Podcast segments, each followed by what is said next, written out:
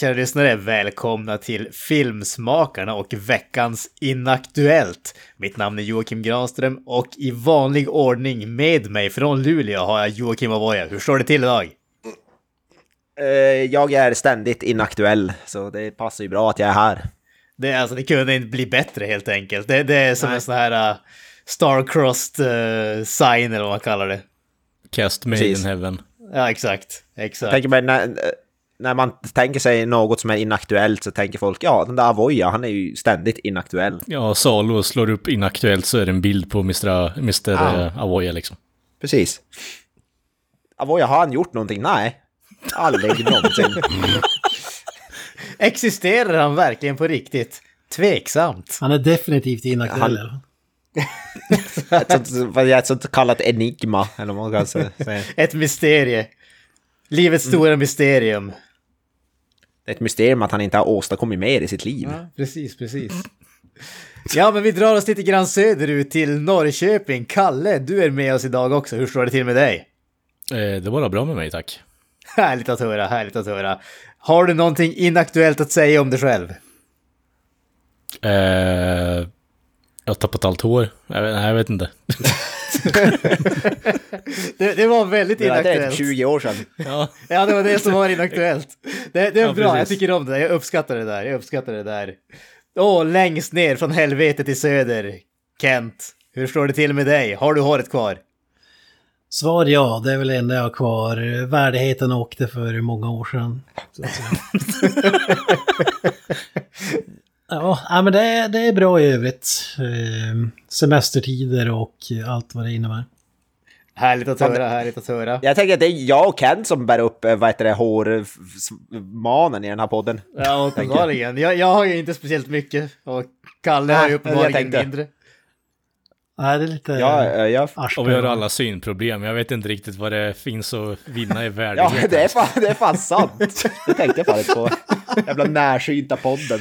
Det känns som en så här onödig kukmätartävling av någon anledning. Ja, vem är sämst? Vem, vem, Ja, har störst, precis. vem har störst handikapp? Ja, men jag är inkontinent också.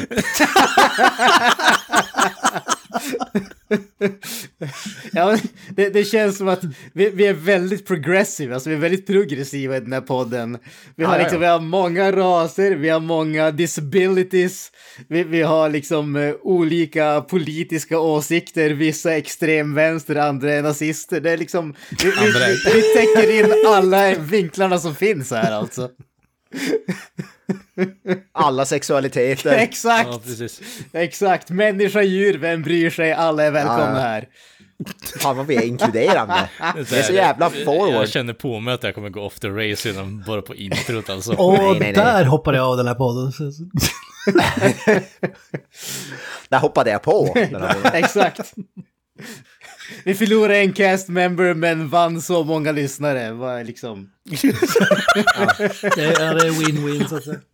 win-win situation. Nåväl, nåväl, vi behöver inte uppehålla oss i det här introt som är på väg off the rails. Vi kan eh, hålla oss on the rails lite grann. Kalle, Ka- Kalle Kent menar jag, du snackade om att du hade lite semester och du hade uppenbarligen planer. Eller åtminstone hade du haft planer när det kom till lite ljudliga saker, lite konsert, eh, sommar, festivalsommar etc. Ja, precis. Jag har ju bockat av en av eh, minst eh, två konserter jag kommer gå på i sommar i alla fall.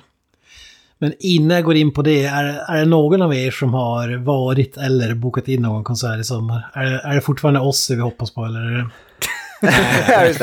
Nu taggar vi ner, jag får tillbaka pengarna så du kan släppa det kapitlet. Vi kommer aldrig att släppa det. Jag tror vi Jag har har pratat om inga- det innan också, men eh, det, som sagt, ni kommer aldrig släppa det, så jag får väl infinna mig att eh, det blir eh, skoj på det i alla fall. Men eh, svar ja, jag ska på lite konserter i år. Jag vill bara, nu, nu när vi är inne på oss, jag måste bara säga, jag såg att vår vän Tony Iommi, eller Lommi som han även kallas, Tony Lommi. ha- hade, hade problem med hälsan och skjutit upp sina konserter nu. Så Okej. det kanske är den man ska boka då och hoppas på så att säga. Ja, så att du blir eh, du vet, ytterst ansvarig för de här eh, beating of dead horse-skämten. Fan, har han en solokarriär också? Det hade jag fan inte koll på. Alltså. Nej, inte jag heller. Jag läser bara någon rubrik här så jag ska, jag ska inte... Jag vet inte om det är med något annat band än Alltså, jag, jag tänker att det är liksom det är ett akustiskt framförande på tunnelbanan, du vet. När, när, när det inte är med resten av Black Sabbath så är det ingen som bryr sig. Akustiska Black Sabbath-låtar, ja det Ja, jag ja, precis. Kom till plattformen bredvid snubben som klär ut sig till Batman och tar betalt för en säker. Jag hoppas Alltså, har han en verkligen burk inte Tommy framför- Iommi sitter och spelar någon jävla hemlös musik på gatan i Birmingham. Det hade varit så jävla sad alltså. Han sitter där med en sån här burk framför där folk kan kasta in av mynt. Ja, riktigt så här eh, mytomspunnen banbrytande rockgitarrist bara. Jag spelar akustiskt sätt Kan du spela. Iron Man Jag, igen jag, för fan? jag, jag tänker bara liksom Ozzy, han rullas fram, rullas fram, liksom, rullas fram genom vägen, sittande, sitter med en rullstol, kollar ut genom liksom på gathörnet och ser bara Tony som si sitter där och spelar akustiskt och tänker bara ja, för en månad sedan så var vi i samma band och se hur snabbt han har fallit ner. Och så hör man någon i publiken som ropar “Spela något bra, spela Creedence”. En Ge mig lite. Nickelback för helvete! Ja, för- En har du. Ja, nej men Kalle, vad har du bokat in för någonting? Eh, jag tror inte du känner till den här. Det heter eh, han heter Cory Wong. Det är en eh, funkgitarrist. Och sen så ska jag eh, eh, slå till på lite biljetter med Mickey D som ska spela i eh, Fy fan. eh, Linköping. Han ska ha någon form av där har vi ju open night och snacka lite och eh, spela gammal musik. Där har vi ju koppling till, i alla fall till Lemmy, så det är ju coolt på ett sätt. Nej, Micke D är faktiskt jävligt duktig. eh, Vad fan ska. Mickey D köra någon slags spoken word nu också eller? Ja, jag tror det. Lite historier, lite meet and greet verkar det vara också. Så jag ska slå till på lite sådana biljetter. Och sen så Fan kul. eh, tror jag att det är eh, Royal Republic har någon spelning i Linköping också. Jag har varit lite sugen på att eh, se dem igen också. Så, Vet du, Micke D spelar inte han i Scorpions nu för tiden va? jo, men han gjorde det innan också tror jag. Så. Ja, kanske. Ja, ja, ja precis. När, när Motorhead tvingades gå i graven bokstavligt talat så hoppade han direkt vidare till Scorpions. Men han har ju även någon slags solo-karriär. Han, framförallt har han väl ett eget eh, typ trademark. Alltså, han har ju någon manager som sköter mm, alla de här grejerna han gör under sitt namn. Han släpper ju typ snus och sprit, ja men eh, all möjlig skit. Ja, men han har ju gått lös på sistone på jättemycket grejer. Så, det så eh, som du säger, eh, alla Motorhead-liknande. Det där med vinet och, och alla. Motörhead släpper ju fortfarande grejer alltså under Ja. Motörhead. Ja, men du kan köpa så här typ signerade trumpinnar för 5000 spänn. Alltså typ sådana grejer. Ja, ja. Mm. Ja, för fan, det låter ändå magiskt. Mm. ja. Jag, inte, jag har fan inga sådana, det är möjligtvis om man går på någon festival nu i sommar och ser någon, men det blir ju inte några stora, några stora band tyvärr. Ja, jag har varit lite sugen på att se Queens of the Stone Age också igen. Eh, De har ju släppt nytt Ja, nu, så, eh, men eh, det verkar inte som att de är i närheten här än så länge. Så. Ja, fan ännu en bra skiva måste jag säga. Eller jag har bara hört någon låt de släppt nu, men det... Ja, några av låtarna är riktigt jävla bra. Ja. Så återigen, ett av de bättre banden som finns där ute. Så kul att de fortsätter. Ja, alltså sången har väl varit lite blåsväder eh, här sista tiden. Men, det är men, alltid. Ja, precis. Men musiken är fan fortfarande jävligt bra tycker jag. jo, jo. Granström, då var, Ja, var du du in då, en Ken. träsktroll. Fintroll. Ja, precis. Eh, jag måste erkänna att jag har ingenting in, specifikt inbokat nu i sommar alltså. Jag... Eh, Eh, det närmaste som kommer upp är ju Trästocksfestivalen i slutet av juli här i Skellhäll. Det är ju lite... Det är ju gratisfestival så att det, det är ju en sån där... Gå dit Vad och fan var det se. som skulle uppträda där? Ingen jävla aning, det är säkert någon. Eh, Men det, det brukar alltid finnas någon som, alltså det, det är ju mindre artister, jag menar gratisfestivaler har vi inte så jävla mycket pengar att springa, sprida omkring sig. Så att eh, det är väl det som är närmast. Sen så vet jag inte vad som händer i höst och sånt där. Det är ju alltid något grann som är av intresse, men tyvärr så brukar det ha en förmåga att inte vara någonting som är så här jättejäkla lokalt. Eh, Utan ska man se någonting som jag är intresserad av, då brukar det vara lite resande. Eh, Men däremot kan jag ju nämna att för inte allt för länge sedan, ja, det var några månader sedan, eh, i, i april, om jag inte är helt ute och cyklar, så var jag ju faktiskt på konsert och såg Meshuggah med, med flera i Umeå, vilket var riktigt Fett. jävla bra. Det var, ja, de var ju huvudakten och sen var det Scar Symmetry, Orbit Culture och eh, Halo Effect också. Eh, som spelade. Så det var, det var en eh, riktigt, riktigt eh, bra kväll. Så att det ble, blev... Eh, lite överraskad över hur bra Halo-effekt var faktiskt, måste jag erkänna. Eh, speciellt live, jag har hört skivan och tyckte att den var väl helt okej och sådär. Men de är, det, det som är lite underhållande med dem är att de är typ fler In Flames-medlemmar än vad In Flames har nu. Så att... Eh, In Flames är bara två stycken svenskar nu och sen är väl typ resten amerikaner vid det här laget. Så att det är fler gamla In Flames-medlemmar som är med där än moderna eller nuvarande In Flames i alla fall. Jag läser att på Trästockfestivalen så ska Bob Hund uppträda. Ja, det är typ det bandet jag kände igen. Ja, och Zacke och Bob Hund. Bob Hund, är- de är ju små och coola. Zacke är väl Luleå-rapparen. Ja. Som brukar uppträda med Movits. Ja. Fy fan. Ja men du då Kent, vad har du Ja men nu bokat? ändå snackar om det här heter ändå inaktuellt men det var ju typ i vintras eller typ januari, februari någon gång. Då, då bockade jag av ett band, eh, Alter Bridge, som jag gillar som fan. Ja just det, Miles Kennedy. Ja, i Göteborg. Ty tyckte de var jävligt bra live också. Eh, Och sen, det, Det är han som sjunger för med Slash också. ja precis. Ja, väl. precis. Han spelar även huvudroll i den här filmen, eh, musikfilmen om en... Eh, vad fan heter den? När han sjunger ett coverband till bandet och så blir sångaren... Eh, Jaha, ja jag vet Eh, inte. typ, ja men måste bli kickad eller sånt där och så ersätter han honom. Han är ju, det här var innan han blev känd tror jag. Alter Bridge är någon sån här, det är från Creed, eh, musikerna från Creed och så han som ny sångare då, när Scott Stapp börjar gå off the rails. Eh, ja men det- var jävligt bra och såg även ett band som jag aldrig sett tidigare, eh, Mammoth eh, WVH. Wolfgang Van Halen, sonen till Eddie Van Ja Halen. just det, ja. Mm. Sjukt jävla bra live. Alltså jävla vilken eh, röst han hade alltså. Ja, han har eh, otroliga chops, grabben, så han kan gå långt faktiskt. Alltså det är fan bland det häftigaste, eller bästa jag har hört live, alltså måste jag säga. Blev sjukt besviken när jag lyssnade på låtarna på Spotify alltså, så sådär, för det var sönderproducerat och sådär. Alltså, det var som i, alltså han skulle börja sjunga rent...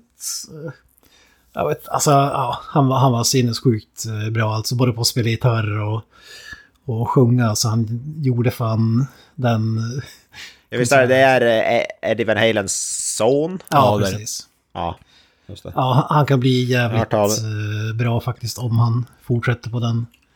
Vad hade han för eh, backband på det? Eh, sa de det eller? Eller var det unknowns typ bara? Ja, men han har ju ett band nu som heter Mammoth.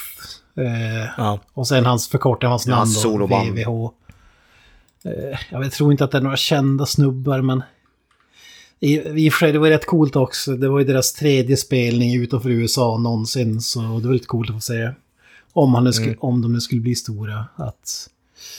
Man såg dem så Du var där från början. Exakt. Han har ett, vad heter det, backing, så ja, men additional nu är det så här, nu bockar man av alla band innan de dör. Vilket jag ska komma in på, på strax här. Så, så det vore kul att få se något band. alltså i början, alltså under hela, hela, under hela ens livstid har det känts som att alla band har varit nära pension. Men de har ändå spelat i typ 30 år till. Ja men Ja, man hann, man hann just se, vad heter det, Lemmy innan exakt. Ja men, ja men alla så här Kiss, Maiden, Mötley Crüe. eh, Ja, ja. men vad är det, ACDC, Sabbath, alltså alla är för fan nära döden slash pension, tragiskt nog. ja, det är fan, det är fan tragiskt. Ja, och eh, ja, men i vilket fall, eh, Hailstorm var med på den spelen också, men det är verkligen inte musik som jag gillar. Skrik eh, rock så att säga. Men Alter Bridge och Mammoth Van Halen var jävligt bra tycker jag, båda två. Du har fortfarande chans att se E-Type dock, för han, han håller ju på. Ja, men E-Type har den, den viktiga frågan där är ju, finns det chans att se Damp? Damp. Dampf, ja, just det, hans Det, det hade varit jävligt mäktigt. Jag, jag såg E-Type på hans peak på Peter Dansar Ler förstås. Som, eh, Ja, just det. det, det är det man har varit... där peakade- Vi har ju snackat om det tidigare att jag har ändå inte varit på så jävla många enskilda sådana stora konserter för att Alltså man hade ju en gång per år så kom alla stora svenska artister till stan, stadsfestival och, spelare så man såg ju typ allt. Man fyllde det behovet på en vecka liksom. Jag vet inte om, jag vet om ni Ja, håller med. Granström och- av AIM. men Ja. Och sen för, nu för att se en konsert, alltså det, det är ju många konserter man hade kunnat gå på så här men om man skulle flyga från norr till söder så måste du typ ta ledigt från jobbet en vecka ungefär och smälla... Ja, Det är som är så, när man bor här uppe, eh, vad heter det, i norr, det är ju inte så jävla många som kommer upp hit. Då får man ju se typ, ja nu för tiden är det typ så här Hoja och eh, Eskifjäret. Ja men det är sån jävla investering att se något i Stockholm, Göteborg, Malmö och så vidare. Ja, det är ju det, det är så jävla... Alltså hot bara jävla hotell dyrt. för typ 2000 spänn och så är det typ resa för lika mycket och så biljetten kostar typ 1500 000 spänn nu för det. Så nu, nu när, när man är tillbaka i söder så det jävligt nice att kunna gå på någon som man kanske bara chansar och typ Nej men jag, jag drar dit bara för att se vad det är för någonting ungefär. Alltså, Ja. Ja, det kostar inte mig 10 000 spänn att gå på, ja, whatever. Ja, men det som var så sjukt när vad heter det, Motorhead kom och spelade i Luleå, det var ju det mest otippade jag kunnat tänka mig alltså. Ja, det är det alltså mäktigaste jävla Jesus Christ. norrspelningen ever. Ja, precis. Det, var ju, det var ju nästan så här unheard of, typ. Ja. Något sånt band kommer till Luleå. Ja. Ja, men jag har ju bockat av en artist som jag...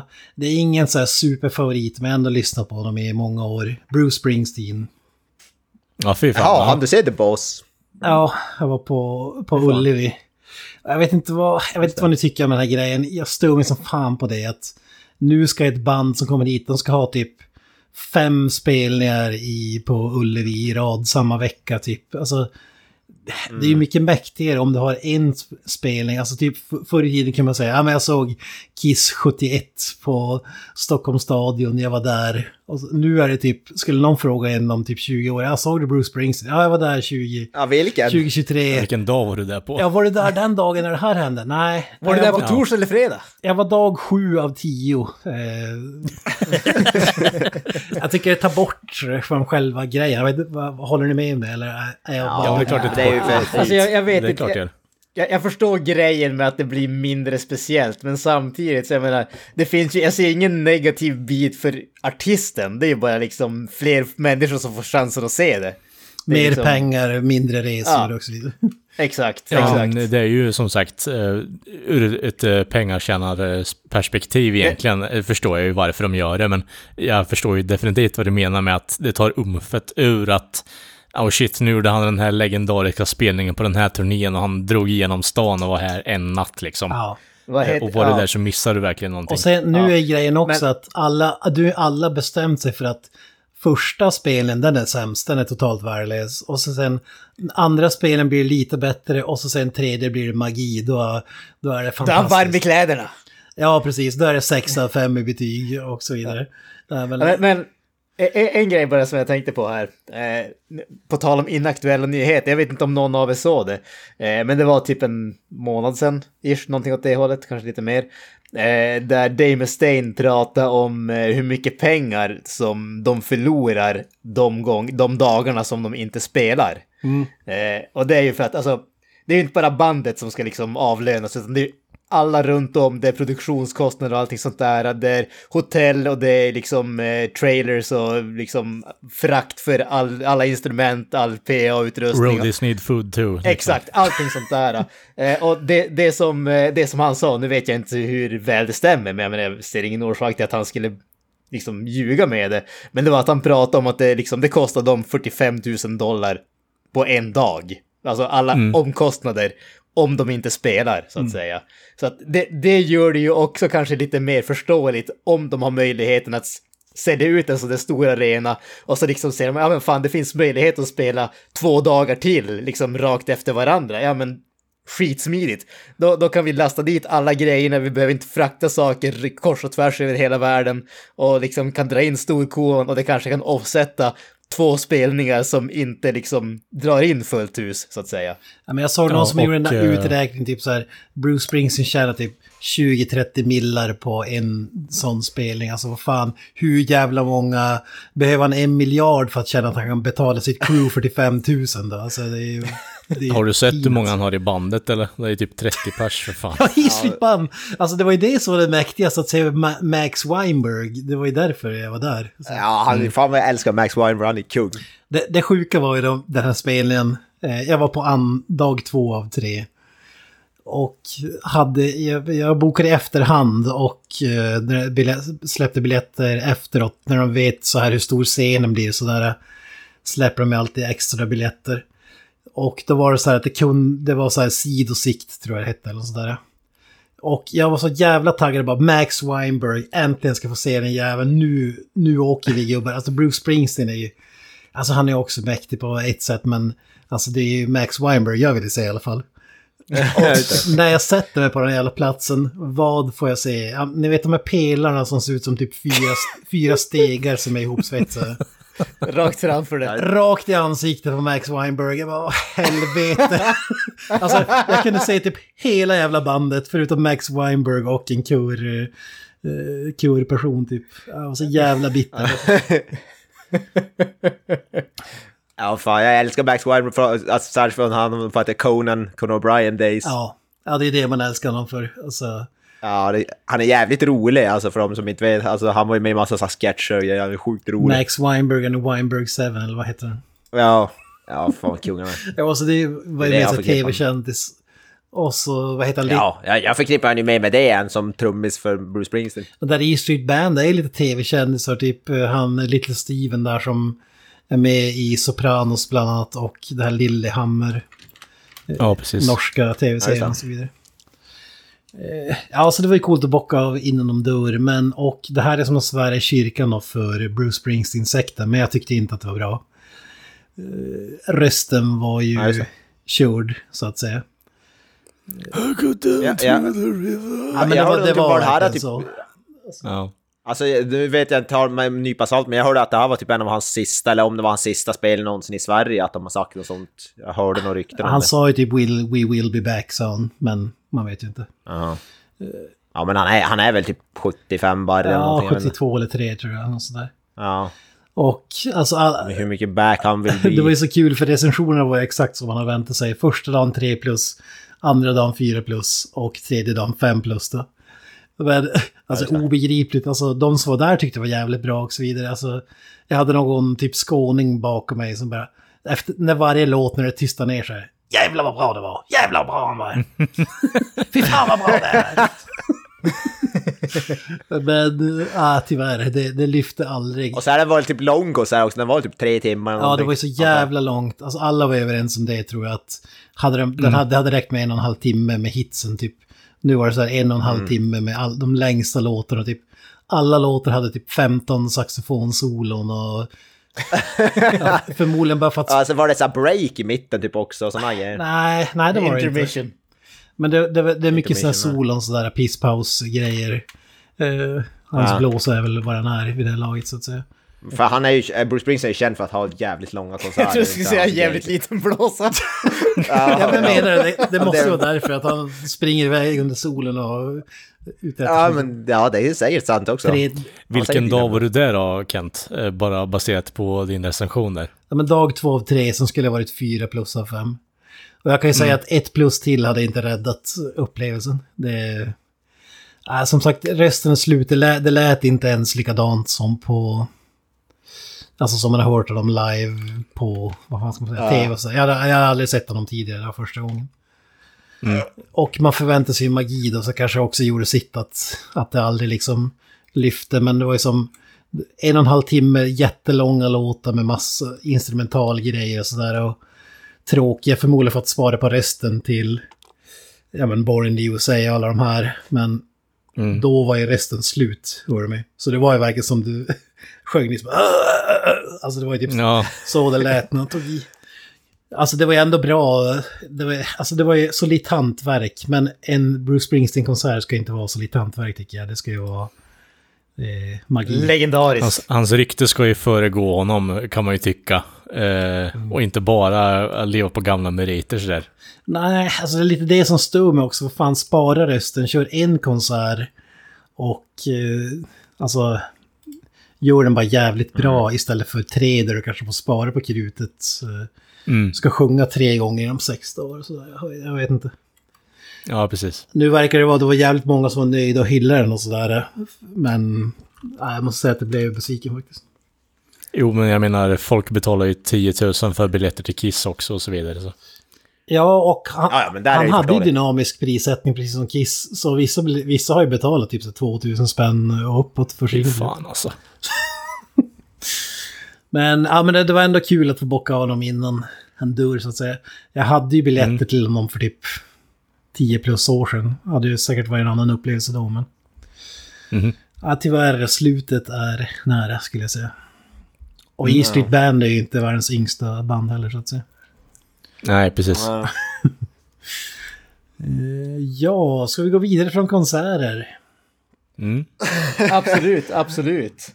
Vad sägs om att vi kastar oss in i lite fisticuffs, så att säga? Robert Aschberg. Nej, jag tänker, okej, det- det är ingen som uppskattar ordet fisticuffs, det kanske bara var jag där. Ja, men jag tänker Jo, givetvis men, eh, jag kampsport. Det. Jag tänker Ja. givetvis kampsport alltså. Alla drömmer väl tillbaka om eh, det ljuva 80-talet när vi hade Van Damme, Chuck Norris, eh, Jackie Chan, Jet Li etc.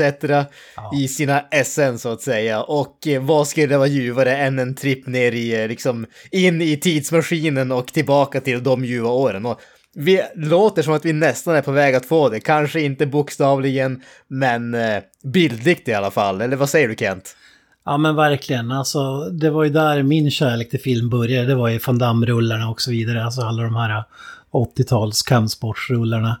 Och dvalan har ju varit alldeles, alldeles för lång. Alltså visst, vi får någon The Raid hit och dit och äh, sådär. Men de här klassiska äh, kampsportsrullarna är det långt emellan mellan alltså. Och framförallt med de skådisar man vill se dem i. Men nu har, är på väg då. The Last Committee. Eh, är en Kickstarter som har nått sitt mål så den kommer bli av. Eh, och det här är då en eh, retrofilm som ska vara då i stil med Bloodsport, Kickboxer och No Retreat, No Surrender är beskrivningen. De har en liten hard-on för Van Damme, hör jag. Ja, men vem har inte det för fan? sant, sant, sant. Jag hade kunnat vara den som startade den där Kickstarter för fan. Alltså, det är fan drömmen att få se alltså en, en ny Van Damme-rulle. Inte när han håller i en pistol som det är nu för tiden, utan kampsport Van Damme alltså. Ja, absolut. Alltså vi, vi, vi tillhör ju inte de som brukar eh, rapportera om eh, Kickstarters, men när det är någonting som verkligen passar oss som hand i handske så kände vi att vi har fan inget val än att snacka med det här, snacka om det här rättare sagt. Ja, alltså det är framförallt när de har ju alltså krattat ihop ett eh, stabilt gäng skådisar också från 80-talet. Alltså bland annat Michael Kissy som är känd som Tong Po i filmen Kickboxer. Han var ju sista bossen i den filmen för Van Damme kan man säga. Eh, det var snubben som sparkade ner en betongpelare om man minns den scenen. Otrolig skådespelare. Och så har vi även Matthias Hughes från Kickboxer 2 bland annat och Dark Angel. Billy Blanks från The King of the Kickboxers och The Last Boy Scout bland annat. Uh, vad ska man mer nämna? Abdel Kissi från Lionheart, en av skurkarna där från den filmen. Eh, Han är mycket Van Damme. Listan fortsatte ju. Eh, många sådana här spelare. Skådespelare, inte spelare. Ja, men precis. De, dessutom så har de ju inte bara snubbar som är framför kameran utan dessutom bakom kameran också. Alltså de har ju musiken från eh, Paul Herzog och Stan Bush som alltså arbetade på The, Way Back, Bloodsport och Kickboxer också. Så att eh, det, det är ju liksom, det, det här känns ju, det här är ju inte bara en hyllning till, nu, vi, vi dömer det här innan den är ens färdigställd eller gjord. Men, men det, det här är ju, alltså, det låter ju som att det inte bara är en hyllning, utan vi har även fått med sig folk som faktiskt arbetade på de här underbara, legendariska filmerna. Så att det känns ju som att om det finns någon film som kommer att ha en möjlighet att liksom återuppväcka den här klassiska kampsports-action-känslan så är det ju den här filmen. Så att eh, vi får väl se vad som händer. Kickstarter är väl kanske inte det mest, eh, vad ska man säga, eh, Jag tänkte precis flika in. Med det och säga att eh, Kickstarter flops är en grej och det här eh, det är upplagt för en så här underbar shitshow eh, lite längre fram. Nej, Ja, alltså du... Du, du, du, Jo, har tyvärr det, är det du, du har inte fel där, men samtidigt så säger jag bara att jag håller, jag håller hoppet uppe alltså, för jag vill Ja, verkligen jag att det tänker inte ta hända. hoppet ifrån dig, men jag säger bara att eh, det finns bevis för liknande floppar innan. Så. Så är det. Den här filmen har ju dessutom dragit in, alltså backers har ju pledgat så att säga över 175 000 euro, alltså 1,8-ish eh, miljoner. Och det, det mest imponerande med det tycker jag det är att det är från ynka 739 backers alltså. Så att, eh, Riktiga marks med andra ord. ja, ja, alltså precis. Det, det är liksom, det, det är uppenbarligen inte den här yngre skaran som pledgar liksom fem dollar hit eller dit, utan de här snubbarna, de har ju lagt eh, manken till och kastat sina hårt förtjänade pengar alltså. Vi har allting ifrån eh, liksom eh, associate eh, producers från eh, typ tusen dollar och sådana där saker till att vara med i en actionscen i filmen för så lite som 8500 euro. Jag menar, Alltså, vem, herregud. vem skulle inte betala det för att vara med i en sån här film? Och det är inte bara en, det är inte bara två, det är inte bara tre, det är fucking sex personer som har pledgat 8500 euro för att vara med här alltså. Helvete. Jag hade betalat det för att bli sparkad i ansiktet av Tong Po alla dagar i veckan. Alltså. Ja, alltså jag... jag, uff. jag, jag det, det, det kan, som sagt, vi, vi dömer den innan vi har sett någonting. Det kan sluta med att det är en riktig jävla skitfilm. Men än så länge så liksom, it's ticking all of my boxes. Ja. Så att... Eh, Eh, 100, 100 500 kronor och ja, eh, har de lagt ut för att vara med i en film alltså. ja. Fantastiskt. Jag måste bara säga... Tänk att vi, vissa får betalt för att vara med i filmen, andra betalar för att vara med. Ja, ja men det... Ja, men alltså, Gotta exploit those re retards I guess. Alltså soundtracket är så jävligt viktigt i sådana här filmer. Som du säger, att de verkligen har Paul Herzog och Stan Bush. Alltså Stan Bush gjorde låtarna There och eh, Touch från, The Touch från Transformers animerade filmen också. Eh, svinigt bra. Klass, riktigt dunder eh, artist. Jag, jag samlar ju på soundtracks eh, på vinyl och det här är ju julafton för mig. Eh, att få höra att de här två är tillbaka i, i gamet. Det är fantastiskt. Men alltså den är färdig den här, den är slutförd. Nej, den här den är kampanjen, inte... eller vad man För, kampanjen är slut. Nej, den är pågående. Är det den där eh, You got the touch? Exakt. You got the power! You got the power. Ja, alltså om, om man ska skriva, om man ska ha en 80-talsfilm och med en tight theme song, då är det ju Stan Bush som ska skriva den. Otroligt jävla bra. Fan, då är det ju, men det är ju bara att gå och backa nu då om den är pågående den här Ja, kampanjen. det är nog inte för sent att, köpa en actionscen. Nej. Exakt, bara 100 000 riksdaler. Fan, det är ju ingenting. Jag backade ju faktiskt en Robert Englund-film på, i, på en, inte på Kickstarter, men en liknande sida. Då fick jag ju prata med honom på så Skype. Det var ju rätt Ja, stort. det är fan mäktigt. Sista Ja, jag vill nämna kring den filmen också, 15. att klipparen är Oliver Harper. Alltså, om man har sett så här filmrecensioner på YouTubes, typ, jag tror att den heter typ Oliver Harper Ret- Retrospective eller något sånt där. Eh, ja, jävligt känd eh, YouTube-kanal i alla fall. Det är inte Doobie White då alltså. Nej. Nej, det är inte 10 000 klipp i sekunden så att säga. Nej. Ja, men det, det är lite, Nej, lite synd. kul ändå. Jag har faktiskt sett några av hans eh, recensioner och sådär. Så. Han är ju mer seriös än de flesta, om man säger så. Eh, men... Ja, när vi ändå är inne på fisticuffs. Mötley Crüe. Mick Mars. Världens bästa band. Eh, Wow! bandets gitarrist bjud- bjuder upp till dans. Så att säga. Bitchfight med andra ord. Ja, alltså han tar ju, han ska ju stämma Mötley Crüe då. och det här är ju, alltså det är inget nytt i Mötley Crüe. De har ju stämt varandra hit och dit. De har ju skrivit på papper med advokater. Det har gjorts dokumentärer om det på MTV och sådär. De har skrivit på papper att de aldrig någonsin mer ska återförenas igen. Det har de väl gjort typ tre, fyra gånger vid det här laget eller något. Så, men ändå återförenas de gång på gång.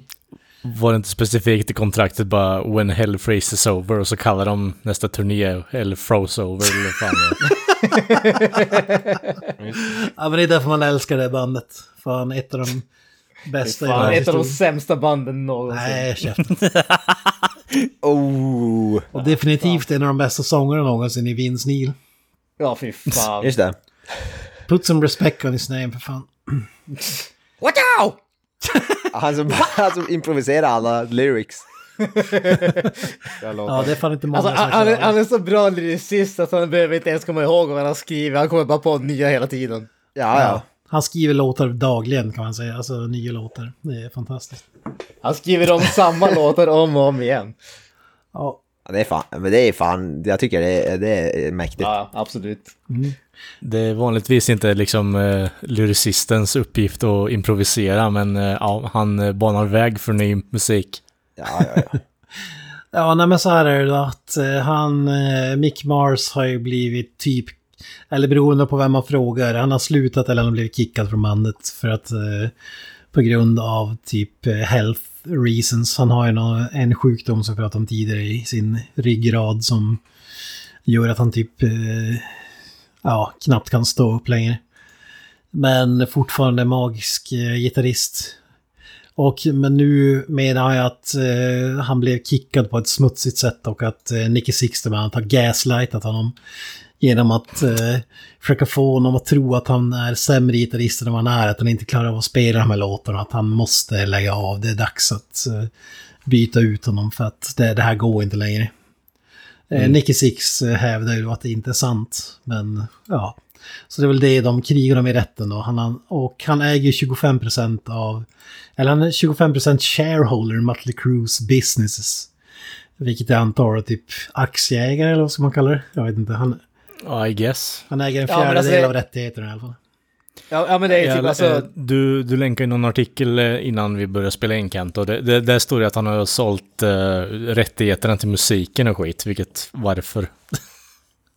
Ja, det, det där är jag inte så insatt i. Det, det är rätt Nej, träskigt. Men det är ju jävligt tragiskt. Han har blivit ersatt av John Five då som tourar med bandet nu. De har ju spelningar dagligen höll jag på att säga. Vince Neil i toppform i vanlig ordning och så vidare. Sen är han inte i toppform. Exakt. Eh, ja, äh, vad säger ni? att eh, det, det stormar fortfarande trots att vi är nära slutet för crew också så att säga. det ligger väl lite i eh, bandets tecken, tänker jag i alla fall. Eh, Sen så kanske det inte är så bra eh, för Mick Mars liksom att gå ut på det här sättet. Eh, bli cranky old man på något sätt. Eh, Det är väl det också som gör att man tänker att det kanske är sant. För vad, vad skulle han vinna på annars att gå ut eh, på det här sättet Ja. och hålla på? Han, han är ju typ den mest tillbakadragna också. Han, han är ju inte galen i bandet om man säger så. Alltså, han, Nej, det är de andra och det, han har ju en väldigt bra passage i den här artikeln bara. While the others went out partying, eh, I tried to keep the fucking ship together liksom. ja, exakt. Han var ju mycket äldre än de andra när de började och var ju typ storebror eller den vettiga trots att han också var lite galen men inte på samma Ja, nivå precis. som övriga. Och uppenbarligen eh, en av få som faktiskt eh, kan spela musikinstrumenten de är tilldelade. Ja, men det kan ju alla. Det ska vi inte shamea någon med. Nicky Six är en fantastisk basist. Och så vidare. Kontrabasist. Ja, men han, han påstår också att han knappt s- spelade någonting på de sista två plattorna. Som Mm. har gjort. Och även de här enstaka låtarna de gjorde när eh, Netflix-filmen släpptes. Ja, Att det är John Five bland annat som tourar med bandet nu som har spelat på dem. Eh, av samma anledning att eh, övriga bandet har försökt få honom att... Eh, ja men fan det här låter inte bra, du måste... mm. Vi måste ta in någon annan för det låter för jävligt och så vidare. Eh, Hårda ord att höra från de grabbarna. Ja. Ja, jag menar, gå från att vara den mest musikaliska i bandet till att bli på grund av sjukdom och ålder bara "Ah, You can't play this shit anymore. Ja, det, är- det är hårt att höra. Eh, Jo. Sen att kicka ut honom helt och hållet, det, det kan jag tycka är lite väl värdelöst faktiskt. Ja, nu ska vi säga att det är delade meningar Nicky Six förnekar ju förstås då att det har gått till på det här sättet så. Jo, jo. Men man, man vet ju aldrig med dem där. Det, I och med att det är så jävla mycket drama rakt igenom i alla fall så. Ja, alltså i ett vanligt band hade ju det här varit katastrof, men här är det ju liksom vardag och det är det som gör bandet så fantastiskt på ett sätt också. Jag känner att du är extremt frikostig med din, din användning av ordet fantastisk och älskar dem och allt sånt där. Det är så här, det tapp, Det, ordet har du använder det så mycket så det har, tappat, det har tappat sin mening.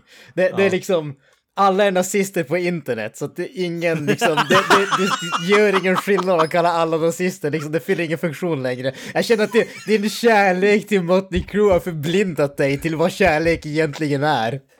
Jag försöker absolut inte intala mig själv att det verkligen är så, utan det är så det är.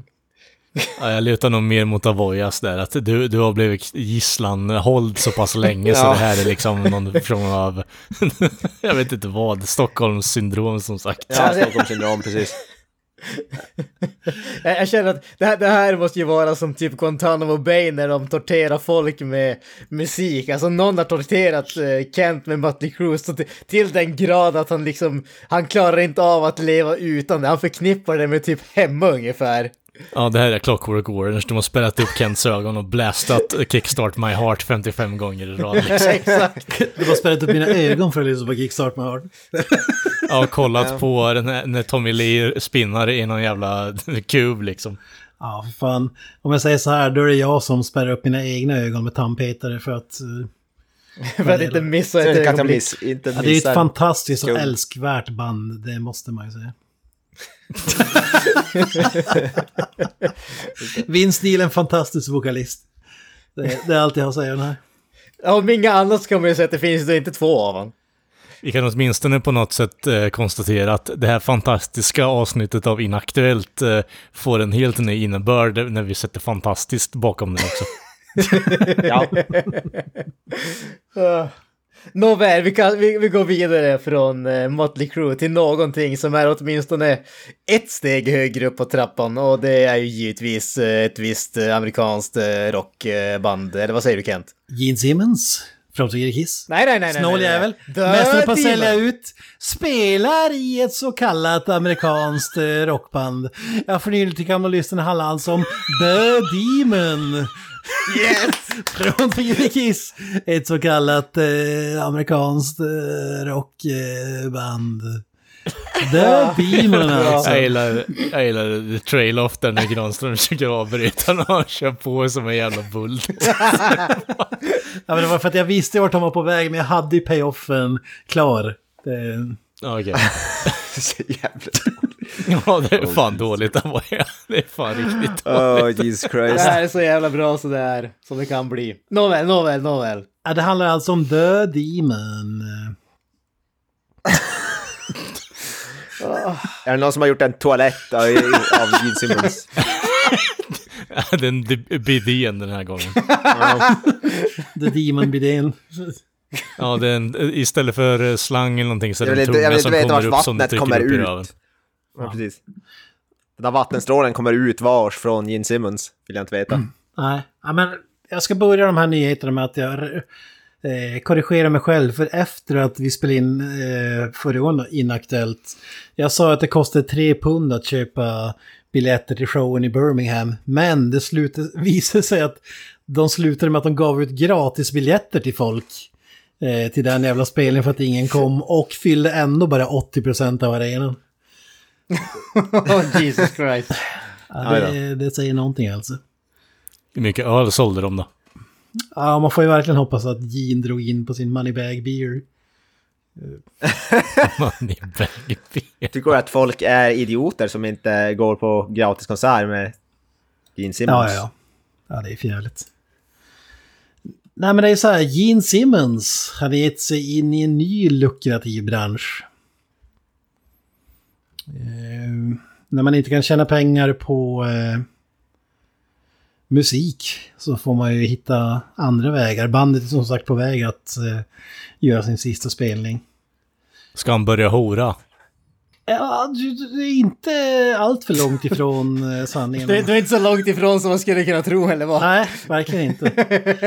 Eh, Det är nämligen så att eh, han har startat upp Gene Simmons Auctions. Han ska börja auktionera ut sin Kiss-samling med egen memorabilia. Jag var ju tidigare berättat att han försökte sälja sitt hus för x antal miljoner dollar som ingen ville köpa. Och en, en av grejerna var ju att i det huset skulle ett helt rum med kissprylar finnas. Men det, visade, det slutade med att han fick eh, plocka ner dem, ta bort den idén och eh, göra, göra om det till ett vanligt rum för att det skulle, huset skulle gå att sälja. Det, det säger väl någonting. Ja, just det. Och då har jag ju kvar alla de här grejerna som han samlat på sig under alla jävla år med bandet. Eh, Och det är ju inte så, alltså, det är inte så att han säljer dem på Tradera eller Ebay eller sånt där och ska betala en avgift. Nej, nej, nej, nej. Han har ju startat upp en egen auktionssida. Eh, Där man kan buda på x antal grejer. Eh, Rent spontant, eh, det här är väl rätt väg att gå, eller vad säger ni? Jag är inte alls förvånad. Det, det bästa också, när man köper dem på den här auktionen, då följer det med ett klistermärke som på grejen, typ Gene Simmons owned. Alltså det ska vara seal of approval. Och, att eh, och det är mest, jag har kollat igenom grejer, det finns en hel del häftiga grejer. Han, han signerar ju typ allt, som det är typ leksaker med actionfigurer med bandet som han signerat och satt på sig klister, klistermärket att det är Gene Simmons owned och så vidare. Vinylskivor och presskits och allt möjligt. Men det visar sig att han har gjort en han, han har sålt en prototyp. Eh, likt Dan Aykroyds Crystal Skull Vodka så har han gjort en Moneybag Vodka-prototyp. Ja, just det. Ja. Självklart en eh, vodkaflaska i form av en guldfärgad pengapåse. Eh, med Gene Siemens stamp of approval i botten. Eh, som tyvärr aldrig fick se dagens ljus då, men nu har den sålts för 1910 dollar. Runda slängar 20 papp då. Ja, ja. ja nej, typ 10 000 va? Eller? Nej, 1900 dollar är ju typ 20 000. Ja, det, Ja, 1900. Ja, my det bad. kanske är närmare typ 1500 om man i dagens... Ja, whatever. Det är runt, runt 20 000 i alla fall. Ja. Ja, det är jävligt mycket pengar. Ja, för mycket pengar. Ja, men eh, vad säger ni? Har ni sugna på att gå in och köpa något? Det är ändå något Gene Simmons har ägt. Det måste jag ändå locka. Nej. inte alls. Fan, det är så jävla... Jag tänker om- jag får en bild på hur de där jävla klistermärkena ser ut så kan jag skicka ett par stycken och försöka återskapa dem till det kan du make bank på nätet Kent. Ja, precis. Så bara stoppa dem på vad som helst. Ja, det här är ett tuggummi som Gene Simmons This is a tuggade. used tampon. Gene used it on his asshole. Ja. Ja, det säljs ju allt från eh, lavalampor till eh, ett pack eh, ballonger. Så Mm. ja. Eller Pack Alltså, jag tror- ballonger. ett bowlingklot signerat av Gene Simmons för 851 dollar uppe när vi spelar in här. Använd kodis. Alltså, jag lyssnade på, jag tror det var, vad heter det, uh, Conor O'Briens podcast eller något sådär och berättade om, jag, jag kommer inte ihåg, det var så backstage, Gene Simmons hade varit gäst och så hade typ någon så här crewmember frågat om hans autograf. Så hade han typ sagt okej, do you have five bucks? och så, så hade han typ sagt, no free rides. Eller något sådär. Kul. De, de, det tyckte jag var jävligt kul. Det lät så jävla Men det är som sagt, han kunde ju ha fått gratis autografen, den lite fulare, eller betalat och fått den riktiga autografen. Det är ju hans val. Ja, ja, det kanske var det. Han Ja, hade men det var- kunnat kontra bara I'll take, I'll take the ugly, ugly one Gene. Ja, precis. det var ett streck. Ja, the one I pay for. Badapaptsch. Ja, just det. Ja, men det ser vi fram emot. Jag ser fram emot att få se obskyra grejer. Jag hoppas det kommer upp någon kisskista till salu. Det hade varit fantastiskt att se vad den skulle gå för. Ja, alltså det, skulle, det enda som skulle vara intressant är att se hur mycket man skulle få för ett Volt som eh, herr Gene har använt. Som han, själv har ägt det för att det var ingen som köpte det ursprungligen. Nej, det Det kan, vi vad kan man också, få för pris för det nu? det kan vi också säga. Han, han rear ju ut dem Volt nu via någon annan sajt som jag inte minns vad den heter nu. Men eh, nu kan man ju helt plötsligt köpa ett Volt utan att träffa Gene Simmons. Men då kost, och för halva priset också.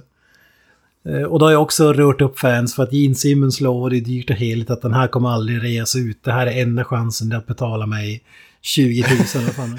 Ja, jag tror dröm på det alltså. Ja, nu har det ändå gått x antal år sedan den eh, gavs ut så nu är det väl rimligt. Men fan, Nu är det preskriberat. Ja, men det, alltså, problemet med det här är att folk fattar ju inte att det de betalade för, det var ju upplevelsen att möta Gene Simmons, att de fick The Vault, det var ju bara en bonus. Nu betalar du för The Vault. Det är det som är grejen. Alltså, Det är bara för att folk är för det. dumma för att fatta vad de har lagt pengarna på egentligen. Är Kiss-fan liksom eh, världshistoriens lätt, mest lättlurade människor? Ja men det, Nej, jag, jag- det, det är de inte, för jag kan, inte- jag kan inte tänka mig att någon blir lurad av det här. De vet till 100% vad de ger sig in på, de är bara för dumma för att göra bättre av sig. ja, vi går vidare. In i filmens värld, då säger jag så. Uh, Jesus Christ. Dinosaurier! Stora djur! Magnus Samuelsson! Du har min uppmärksamhet. You had my interest, you had my attention, now you have my interest. Vad är- hur är det det där går? You had me Ja, at precis. dinosaur. Ja, men alltså, vi har, vi har ju fått en... Eh, jag vet inte vad jag ska kalla det. En eh, traileraktig... Eh, typ, alltså det- en sex minuters trailer. Det, det gränsar ju till att vara...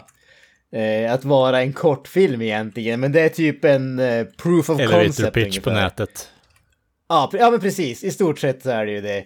Eh, en, elevator pitch där alltså allas vår Magnus Samuelsson verkar spela någon sorts eh, viking som, eh, som slåss mot dinosaurier, eller åtminstone i den här eh, eh den här trailern alltså, där han slåss mot en eh, Tyrannosaurus rex. Och det här är ju någonting så jävla underbart som en svensk dinosauriefilm. Eh, nu har ju den här regissören Titus Par, som jag inte har hört talas om tidigare, men har tydligen arbetat med eh, Steven Seagal i filmen The Perfect Weapon från 2016. Eh, vad heter det? Han har tydligen sagt att alltså, det här är ju som... De, de ser det här som en pilot, alltså den här sex minuters filmen är en proof of concept. Och får de liksom investera eller får de tillräckligt mycket intresse kommer de försöka göra en, en lång film av det, en hel film. Och jag som, alla som har lyssnat på den här podden vet ju att jag är ju en fantast när det kommer till dinosaurier, stora djur, eh, etc. Och det här är ju liksom eh, right in my wheelhouse. Så att eh, det, det här vill jag ju absolut se. Det här kommer att bli hur magiskt som helst alltså. Det här, det här kommer att bli en klassiker som går till filmhistorien. Jag känner det på mig redan nu. Ja, alltså ja, det, man, det Ja, bästa med det här är att det är en svensk produktion. Det ser man, såg man inte komma när du har med ingredienserna. Dinosaurier och... eh, Ja, Magnus Samuelsson. Dinosaurier Samuelsson var och väl i och för sig en muskelknuttar. liten dead giveaway, kanske. Vad sa du? att- Jo, jag säger att Magnus Samuelsson kanske är en liten dead giveaway för att det är en svensk produktion i dagsläget. Det är inte så att det är tidigt 90-tal och att han är världens starkaste man Ja, liksom. men Magnus Samuelsson har väl gjort några typ Vikingsaktiga grejer nu. Vad hette den här filmen? eh, Eller var det en serie kanske? När han spelar någon slags eh, vikingkrigare eller sånt där. Ja, beats me, men Ja. eh, du kan säkert ha Ja. rätt.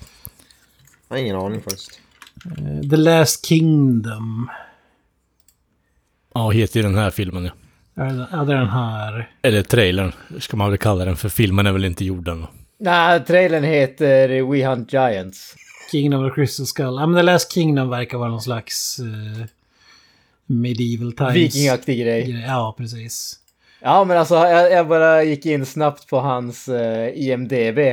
Eh, och han har ju då åtminstone 24 stycken actor credits. Ja, ja.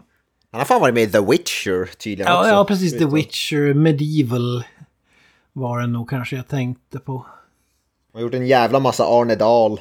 Med Till Schweiger Ja. bland annat. eh, Underbar skådis och Michael Caine. Och på tal om i och för sig inte i det här avsnittet, Hem till Midgård. Hem till Midgård. Ja, den är mäktig. Ja, Arne Dahl-filmerna eller serien så kallade det var ju fantastiskt. Alltså, de, kunde, de kunde ju aldrig låta dem hamna i en fistfight för det skulle inte vara trovärdigt. Han skulle döda sin motståndare med ett slag för att han är så jävla mycket större än alla andra. Ja, typ två meter plus på allihop också. Ja, otroliga eh, scener där alltså. Black Lotus, ja men han är med, han är med i mycket grejer alltså. utländska, eller mycket, men han, han, har, han har breakat internationellt. Så det, det är inte så svenskt, givet svenskt som man kan tro faktiskt. Nej, men eh, kul för honom. Ja, ja. Jag tycker det låter underbart det här ja. Som sagt, alltså det, det här... eh, Ticking all my boxes alltså. Jag, jag tycker det här låter underbart. Och speciellt som du säger Kent, att det är en svensk produktion. Bara det gör ju det extra speciellt. Mm. Jag trodde först att det var Kung Fury-aktigt, men det verkar ändå vara seriöst. Eller vad säger du? Ja, men det tycker jag. Alltså jag menar, all, allting är ju relativt.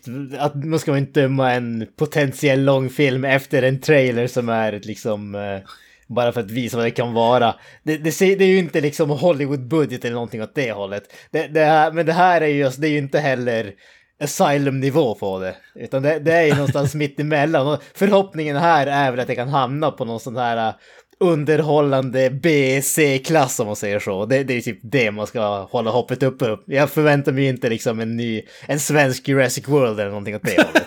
Ja, det är otroligt.